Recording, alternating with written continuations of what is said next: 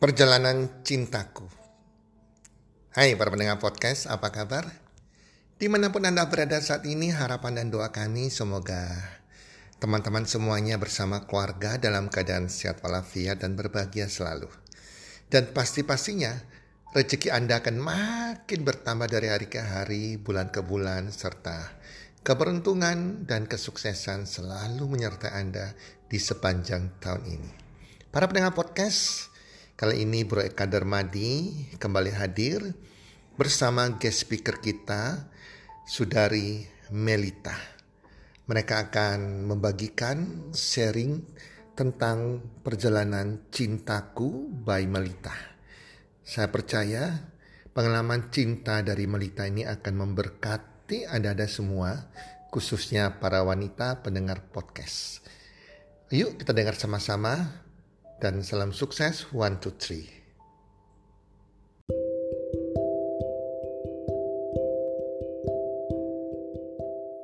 Halo semua, pada episode podcast kita kali ini dengan judul Perjalanan Cintaku by Melita.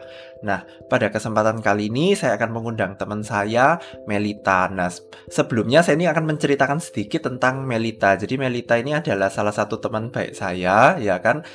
Pada saat podcast ini dibuat Melita ini tahun ke-29 ya teman-teman ya. Jadi pada waktu itu kan kayak setiap wanita itu kan pasti kayak mendambakan yang namanya kayak one love till the end. Betul nggak? Tapi kadang itu rencana Tuhan itu kayak lain di dalam kehidupannya kita kayak gitu. Nah, tanpa panjang lebar kita dengerin yuk perjalanan dari seorang Melita bagaimana dia ini melewati masa-masa singlenya bagaimana dia ini melewati kayak pada saat dia pacaran dan tidak jadi dan putus putus putus apa yang membuat dia ini tetap kuat peranan orang tuanya? Itu nanti kita sama-sama akan dengerin ya teman-teman. Oke tanpa panjang lebar kita sambut Melita. Halo Melita. Halo Eka. Dan halo semuanya yang mendengarkan podcast ini. Ya, thank you ya Mel udah ya. meluangkan waktunya ya. Nah, iya, sama-sama ya kan kok lagi uh, di rumah saja, work from home. sip, gitu. sip. Nah, Mel, mu mu mungkin kamu bisa sharing ke kita nih perjalanan mulai dari first love kamu itu kapan dan bagaimana ini Mel? Oh, first love ya. Kalau bicara first love, sebenarnya kita ini kan mungkin ya yang pasti itu pertama kalinya kita pacaran seperti itu ya. Tapi kalau first love kita benar-benar adalah pacar yang pertama, itu saya juga bingung ya. Sebenarnya apakah memang seperti itu? Cuman ya ini aku ceritakan aja kalau pertama kali aku merasa uh, pacaran ya kayak gitu. Itu waktu SMA, SMA kelas 1. Terus ya sama temen maksudnya satu pantaran ya kita ngomong ya jadi sama-sama satu tingkatan. Dan kayak hanya merasakan ya happy-nya aja lah. Maksudnya kayak oh aku punya pacar terus dan masih le orang kalau orang bilang itu kan kayak itu ya cinta monyet gitu. Jadi masih kayak senang-senangnya aja terus jealous-jealousan ya mungkin tahu ya cemburu-cemburu apa terus uh, ya nggak ada pembahasan yang lebih dalam lah. Seperti kayak kita akan menikah atau apa itu belum ada terus terang. Cuman kayak oh ya ini kalau bersama-sama kelihatan oke okay, penampilannya keren ya kayak gitu seperti itu aja sih kak. Oh ya buat para pendengar ya just info Melita ini sudah menikah dan kemungkinan minggu depan dari podcast ini kita rekam Melita ini sudah menjadi seorang ibu ya teman-teman ya ini just info. Hmm. Nah, yeah. nah Mel kamu pada saat perjalananmu dari dari waktu kuliah atau SMA dulu sampai sampai akhirnya menikah ini kan kamu ini kan sempat uh, relationshipmu ini putus putus putus kan? Betul nggak? Nah betul. pada saat kamu putus itu ya kan atau intinya dari relationshipmu yang sebelumnya apa sih pelajaran berharga yang kamu pelajari? Mungkin kamu juga bisa share kamu itu pernah putus itu berapa kali? Mungkin juga boleh lah boleh kamu sharein lah Mel.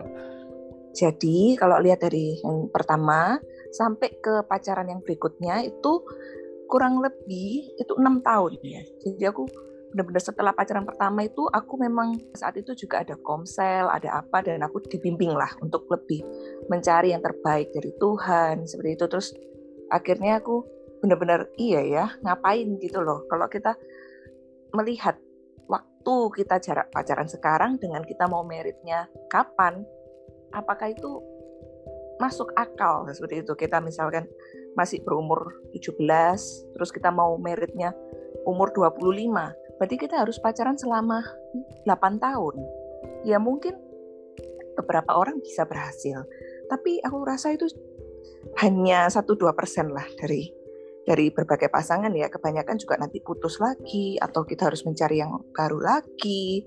Ya itu kan membutuhkan proses. Jadi ya aku memilih ya udah aku fokus berteman apa kuliah yang baik terus sampai lulus baru aku merasa sudah layak mencari uh, calon pasangan hidup. Seperti itu. Dan kalau yang kedua ini kan benar-benar awalnya juga saya ya mana nggak tahu kan gitu saya jujur nggak tahu kalau bakal ada seri-seri berikutnya ketiga keempat dan kelima. Jadi total itu lima kali sih aku gagal di dalam percintaan. Dan maksudnya memang itu bukan hal yang membanggakan. Jadi aku terus sharing ini benar-benar ya kembali lagi aku kembalikan semua untuk kemuliaan Tuhan. Kalau memang kisahku ini walaupun mungkin tidak membanggakan tapi kalau itu bisa memberkati orang lain ya why not aku share kayak gitu. Jadi yang kedua nggak bertahan lama. Jadi dari sekian aku pacaran itu nggak pernah ada satupun yang anniversary. Jadi kebanyakan itu sudah enam bulan mentok 10 bulan udah putus. Karena apa? Mungkin ya memang di, sam di samping memang karakter masih belum dewasa belum cukup dewasa. Dari saya juga dari pasangan juga. Yang penting itu ini kecocokan dalam karakter. Jadi kita harus benar-benar mengenali diri kita tuh seperti apa. Nah kalau saya ini kan memang e, mungkin kelihatannya dari luar orang yang belum terlalu mengenal saya tuh akan mengira oh kamu nih kalem, kamu bisa mengikuti kayak seperti itu ya.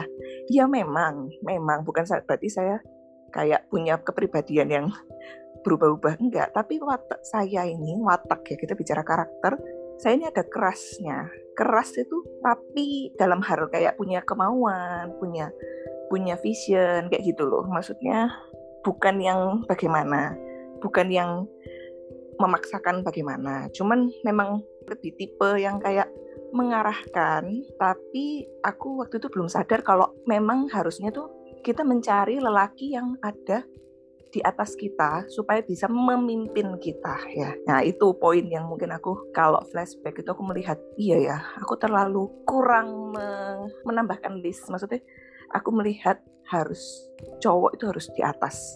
Bagaimanapun firman Tuhan juga bilang kan bahwa kayak suami itu adalah kepala dan istri itu adalah tubuh, ya kan? Di saat itu karena mungkin udah terlanjur suka atau bagaimana sudah seakan-akan itu aku iya aku lihat keluarganya baik gini udah cukup lah orangnya baik juga punya teman yang baik terus pokoknya kayak lingkungannya baik semuanya baik itu nggak masalah aku jalani aja.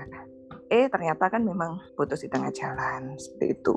Demikian juga yang ketiga keempat dan kelima memang beda-beda fasenya jadi setelah kedua aku ngerti oh harus cari yang karakternya saling melengkapi. Dicoba lagi.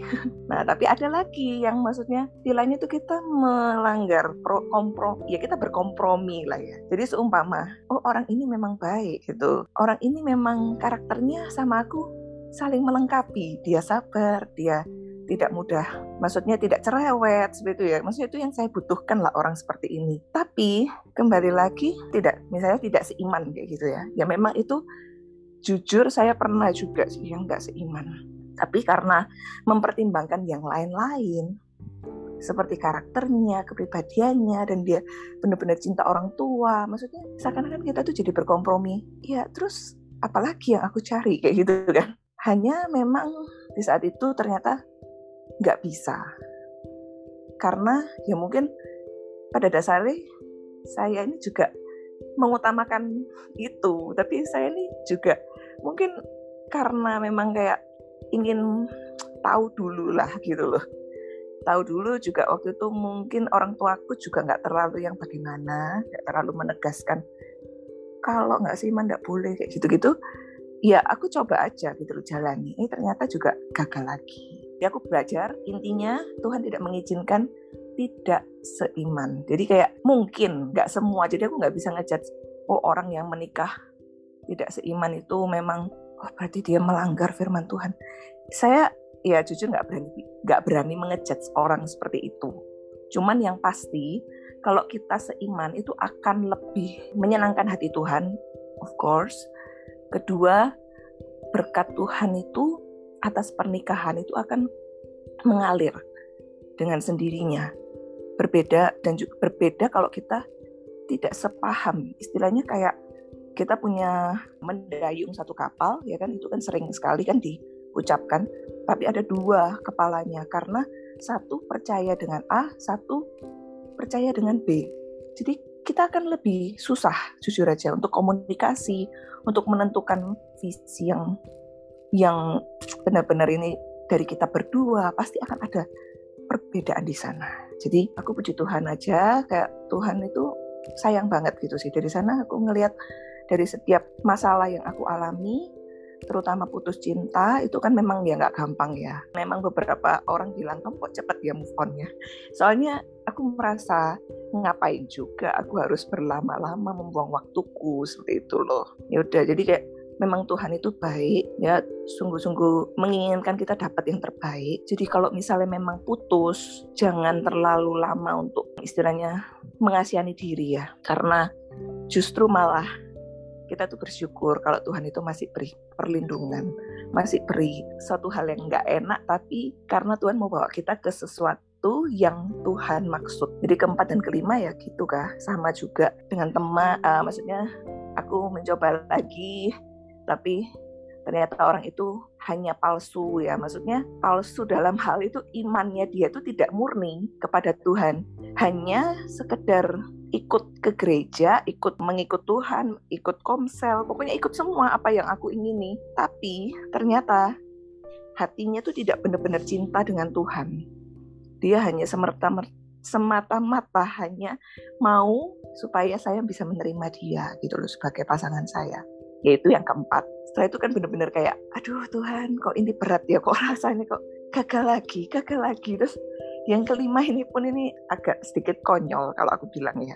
Soalnya yang kelima ini dengan teman satu komsel. Nah saat itu aku udah gimana ya kayak mungkin orang itu sudah kayak beranggapan kayak ah kamu ini kok ah, sudah gila mungkin ya atau kayak sudah kehilangan gimana sensemu dalam memilih pasangan hidup atau bagaimana aku juga nggak tahu.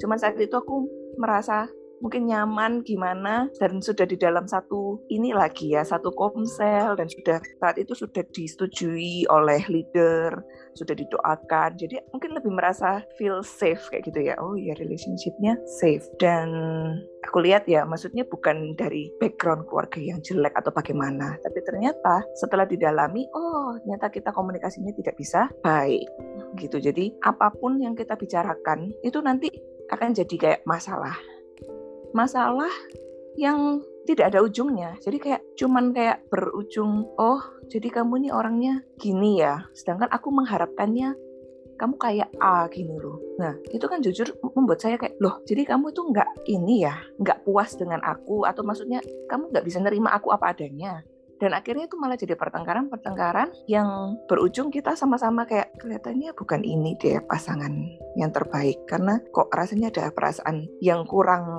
plong gitu. Setiap ada masalah kok rasanya nggak ada penyelesaian. Terus malah seperti ditanggapi seperti tidak dewasa kayak gitu. Dan ya itu sih saya juga berusaha sudah terbaik berusaha memahami berusaha no berusaha untuk memberikan yang terbaik, eh, ternyata dibawa ke keluarga, keluarga juga kurang setuju kayak gitu. Entah itu mungkin dari sisi namanya keluarga ya pasti melihat tutur katanya, sopan santunnya. Bagi keluarga saya itu kayak aduh kok kamu kurang cocok ya gitu loh secara kamu bersanding dengan dia tuh kok kayak ada yang tidak pas kayak gitu. Saya bingung lagi nih. Waduh, kenapa lagi nih? Ini udah kelima. Apakah aku harus putus gitu loh? Dan begini ya puji Tuhannya aku nggak pernah loh maksudnya yang kayak selama aku pacaran itu kayak bisa dibilang itu yang mengutarakan putus itu kebanyakan itu karena cowoknya itu yang tidak confident, confident, confident sendiri gitu. Jadi dia yang moro-moro bisa kayak kamu bisa dapat yang lebih baik atau bagaimana ya. Walaupun mungkin beberapa orang bilang ya itu berarti kamu diputusin karena dia bosan atau apa. Tapi it's okay. Yang penting aku merasa kalau aku nggak pernah menyerah akan hubungan ini. Tapi kalau kamu yang menyerah, ya sudah gitu loh. Aku anggap nothing tulus gitu. Berarti Tuhan itu punya rencana yang terbaik. Waktu itu kan umur sudah 28 ya. 28 ya, 2018. Oh, 27 mau ke 28 lah. Aku tuh sudah kayak, aduh Tuhan, aku capek gitu loh. Maksudku kayak sudah tahun ke tahun aku mencoba, tapi tidak kunjung menemukan true love-nya siapa ya maksudnya kayak gitu ya sudahlah aku terakhir ya itu sudah titik pantang menyerahku sudah hilang aku berserah Tuhan berserah tapi aku tuh ya sempat ya mungkin karena galau ya aku sempat memikir aduh aku nih kok males ya memulai lagi. I mean kayak orang memulai lagi itu kan adaptasi lagi, belajar mencintai lagi gitu loh. Terus kayak belum nanti aduh gini gitunya harus kenalan lagi dengan orang tua segala macam. Step-step itu tuh kayak aku merasa aduh udah bosan aku mengulanginya lagi gitu.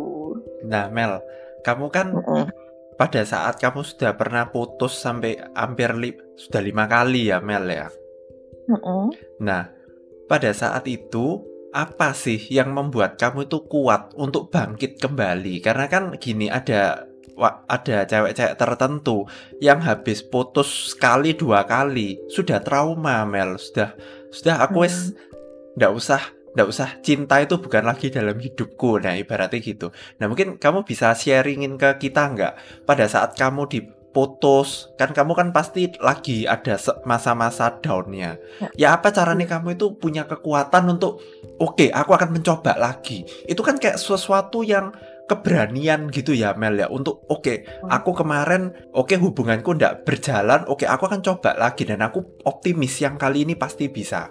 I believe kayak every time kamu memulai hubungan pasti optimis ini harapan baru ini harapan baru. Nah itu kayak gimana Mel Ya, yang pasti sih kalau pertama kan kita pasti down. Itu nggak mungkin. Kalau orang bisa habis putus terus ha gue ketawa-ketawa, itu nggak mungkin. Jadi pertama pasti down. Dan yang pasti orang-orang terdekat itu yang bisa memberikan kita penghiburan. Ya, seperti orang tua orang tua saya.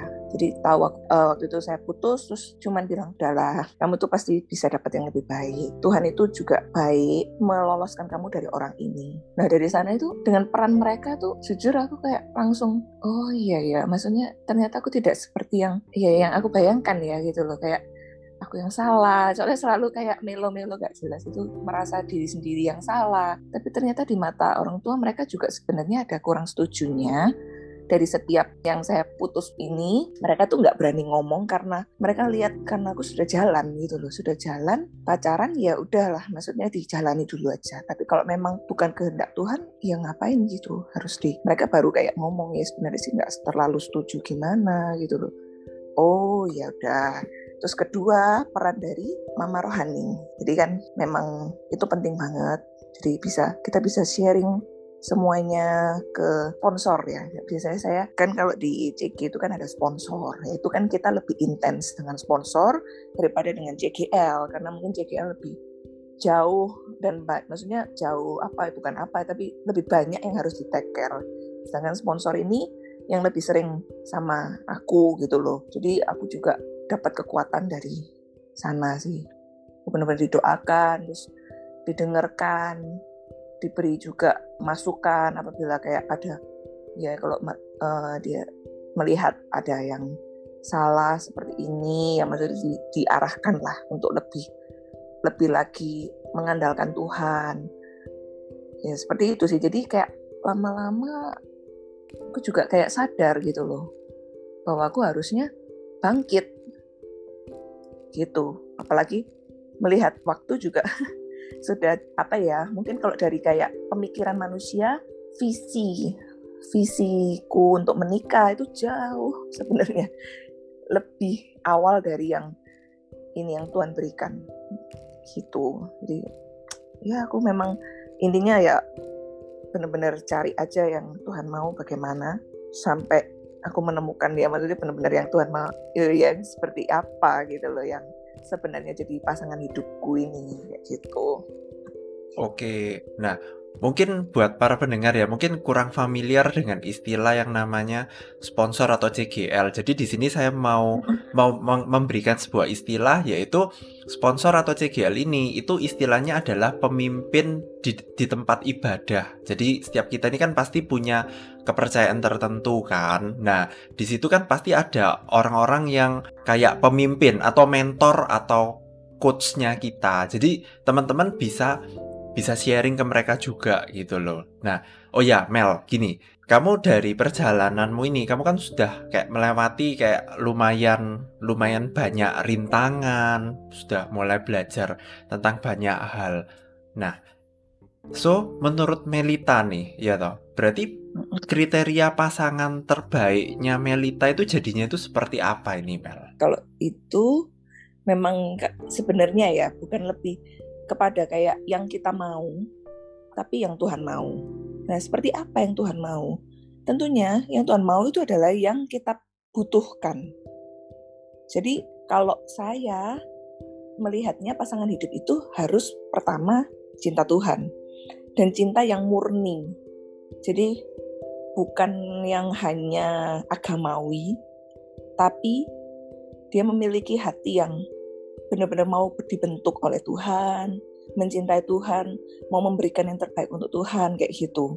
Dan itu bisa terlihat kok sebenarnya apakah dia cuman agamawi, orang yang cuman mau dilihat orang rohani tapi isinya ternyata tidak se seperti itu ya misalnya kayak buah buah perbuatannya kita bisa lihat. Terus kedua bisa memimpin bisa memimpin istrinya terutama. Jangan sampai dia akan menjadi orang yang takut pada istri terus bisa untuk di kayak istilahnya kayak dia ngikut kemauan istri. Waduh itu nggak nggak bisa sih gitu loh. Maksudnya gimana gimana yang Tuhan mau itu memang yang bisa mengendalikan kita ya istilahnya begitu.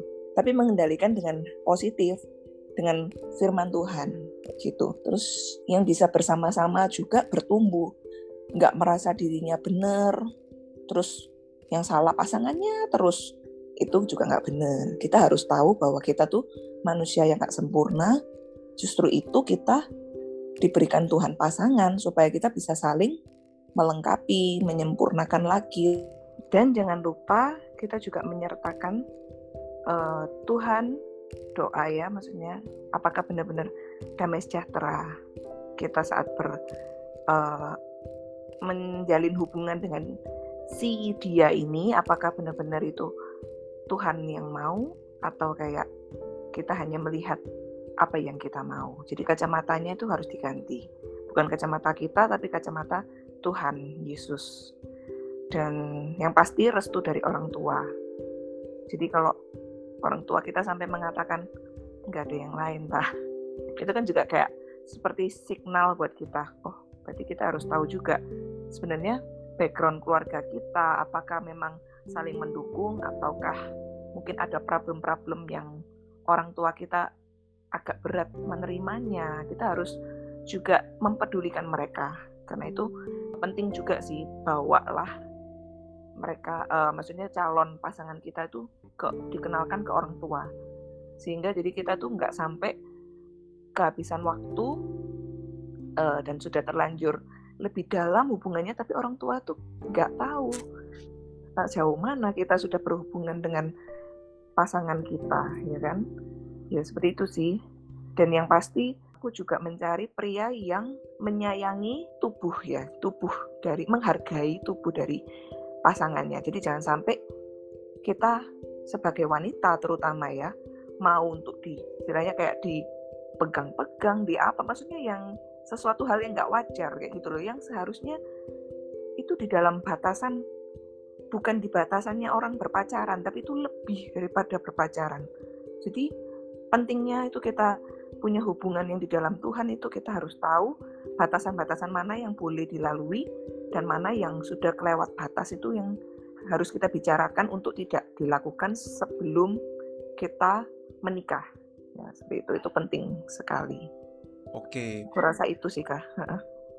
Mel, kamu kan tadi sempat bilang katanya untuk melibatkan orang tua atau mengenalkan pasangan dengan orang tua. Nah, hmm. menurut Melita ya, waktu yang tepat untuk memperkenalkan itu biasanya itu kapan? Apakah sebelum jadian di dikenalkan dulu atau kayak gimana? Mungkin Melita bisa sharing sedikit nih soal ini. Sebenarnya kalau gitu tuh kayak nggak ada ini ya sebenarnya nggak ada patokan harus setelah pacaran atau setelah sebelum atau sesudah tapi di mana kita itu merasa aku pingin orang tua aku lebih mengenal nggak masalah sih sebenarnya waktu kita berteman jadi kayak waktu mungkin dia datang atau mungkin menjemput, ya pasti kan kita harus kayak turun dulu untuk ini kan itu kan sudah tata kerama ya nggak mungkin kita kalau aku sama ini sih nggak pernah gitu loh kayak langsung maaf aku pergi ya dijemput cowok tapi kayak aku langsung nggak nggak usah lah gitu loh. Kalau memang ada ada seperti kayak memang cowok itu lagi mendekati kita kayak gitu loh. Jadi pasti aku akan paling enggak oh ya pamit dulu dan papa mama paling enggak tahu kayak gitu. Bukan sampai resmi-resmi gimana kok cuman sekedar menyapa mungkin kayak dia izin juga.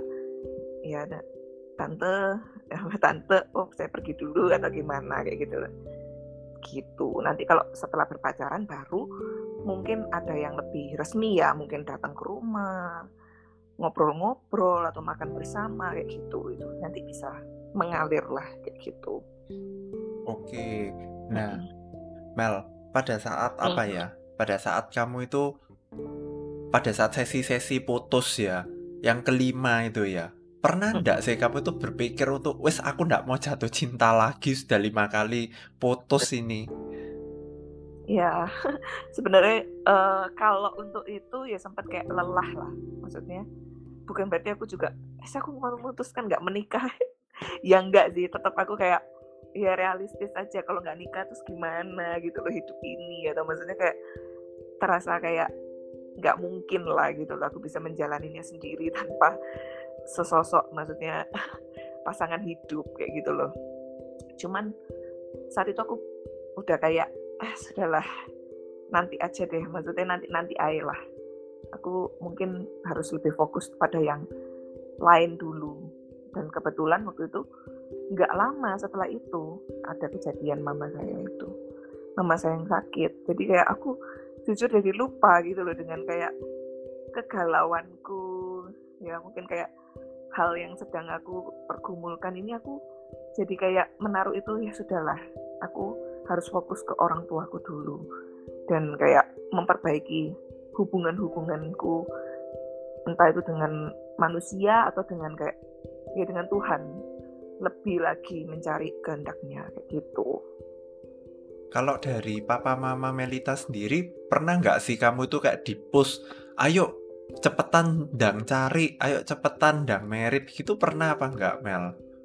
Iya sebenarnya sih namanya orang tua ya, terutama mama sih, mama memang sering tanya gitu kayak kamu apa? Oh gitu kan kayak kamu kenapa? Gitu kan kayak kok maksudnya belum dapet apalagi aku lihat kan uh, dari kakak Cece ya jadi Ceceku ini kan udah menikah tuh umur 26 dia udah nikah. Nah sedangkan aku umur berapa? 28 ya gitu maksudnya kayak uh, mungkin cuman diberikan ini ya kayak masukan-masukan kamu kalau sama cowok jangan keras-keras jangan apa kayak gitu loh.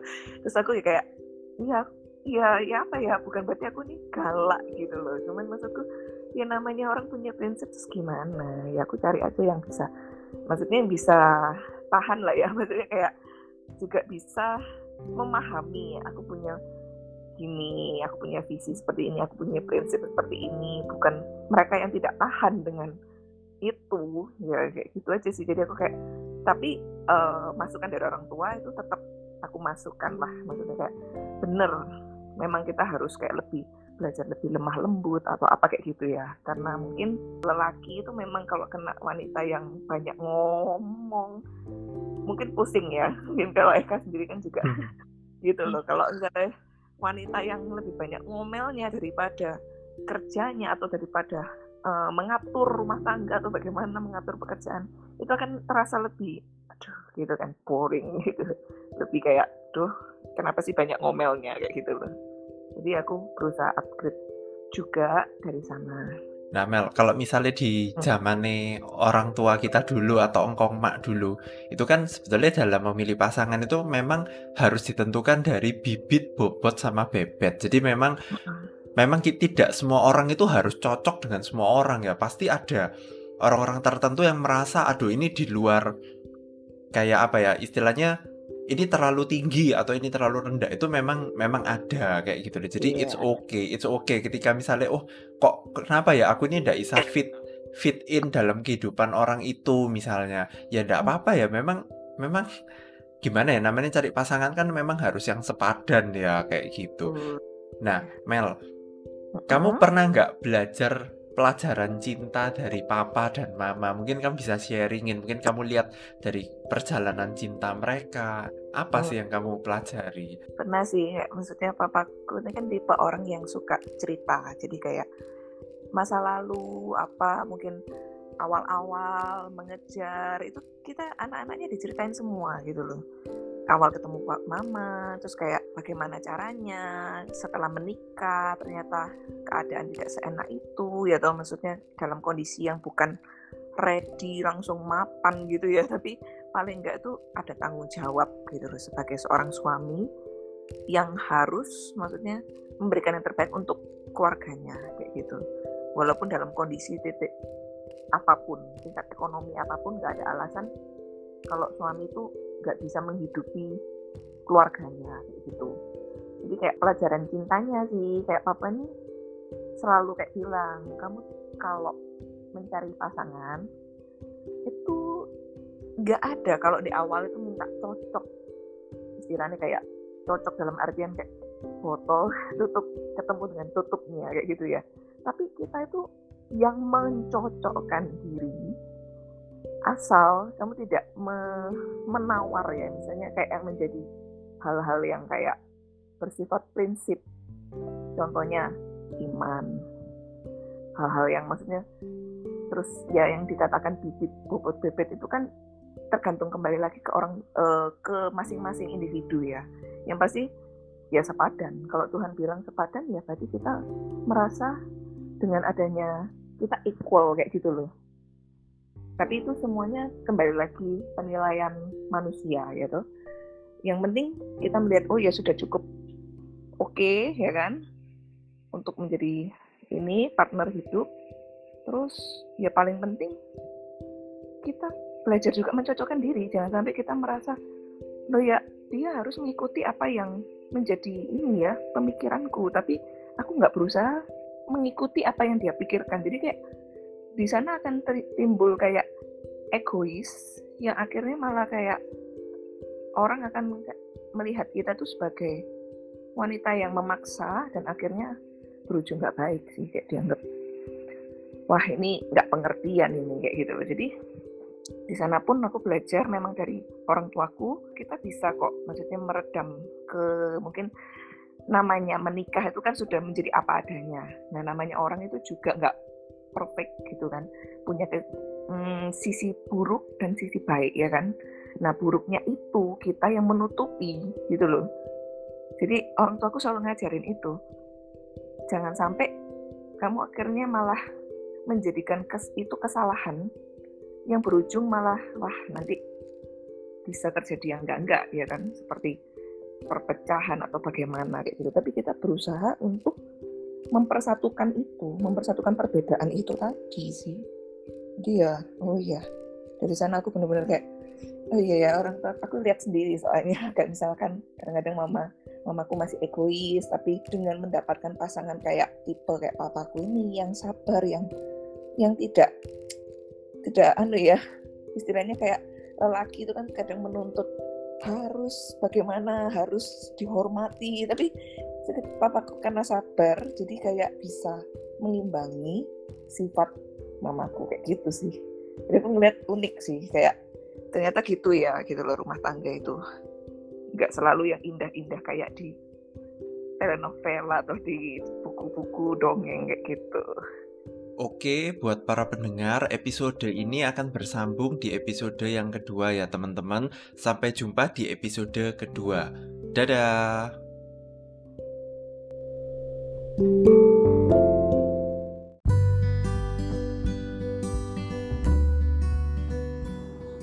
kasih sudah mendengarkan podcast kami. Teman, jika Anda rasa bermanfaat podcast kami ini, Anda bisa menginfokan kepada rekan kerja Anda, keluarga Anda, teman ataupun sahabat Anda. Dan jika ada hal-hal yang Anda ingin tanyakan kepada kami ataupun topik-topik apa yang Anda ingin kami bawakan, kami sampaikan, Anda bisa DM kami di Instagram kami healthcommunity.id.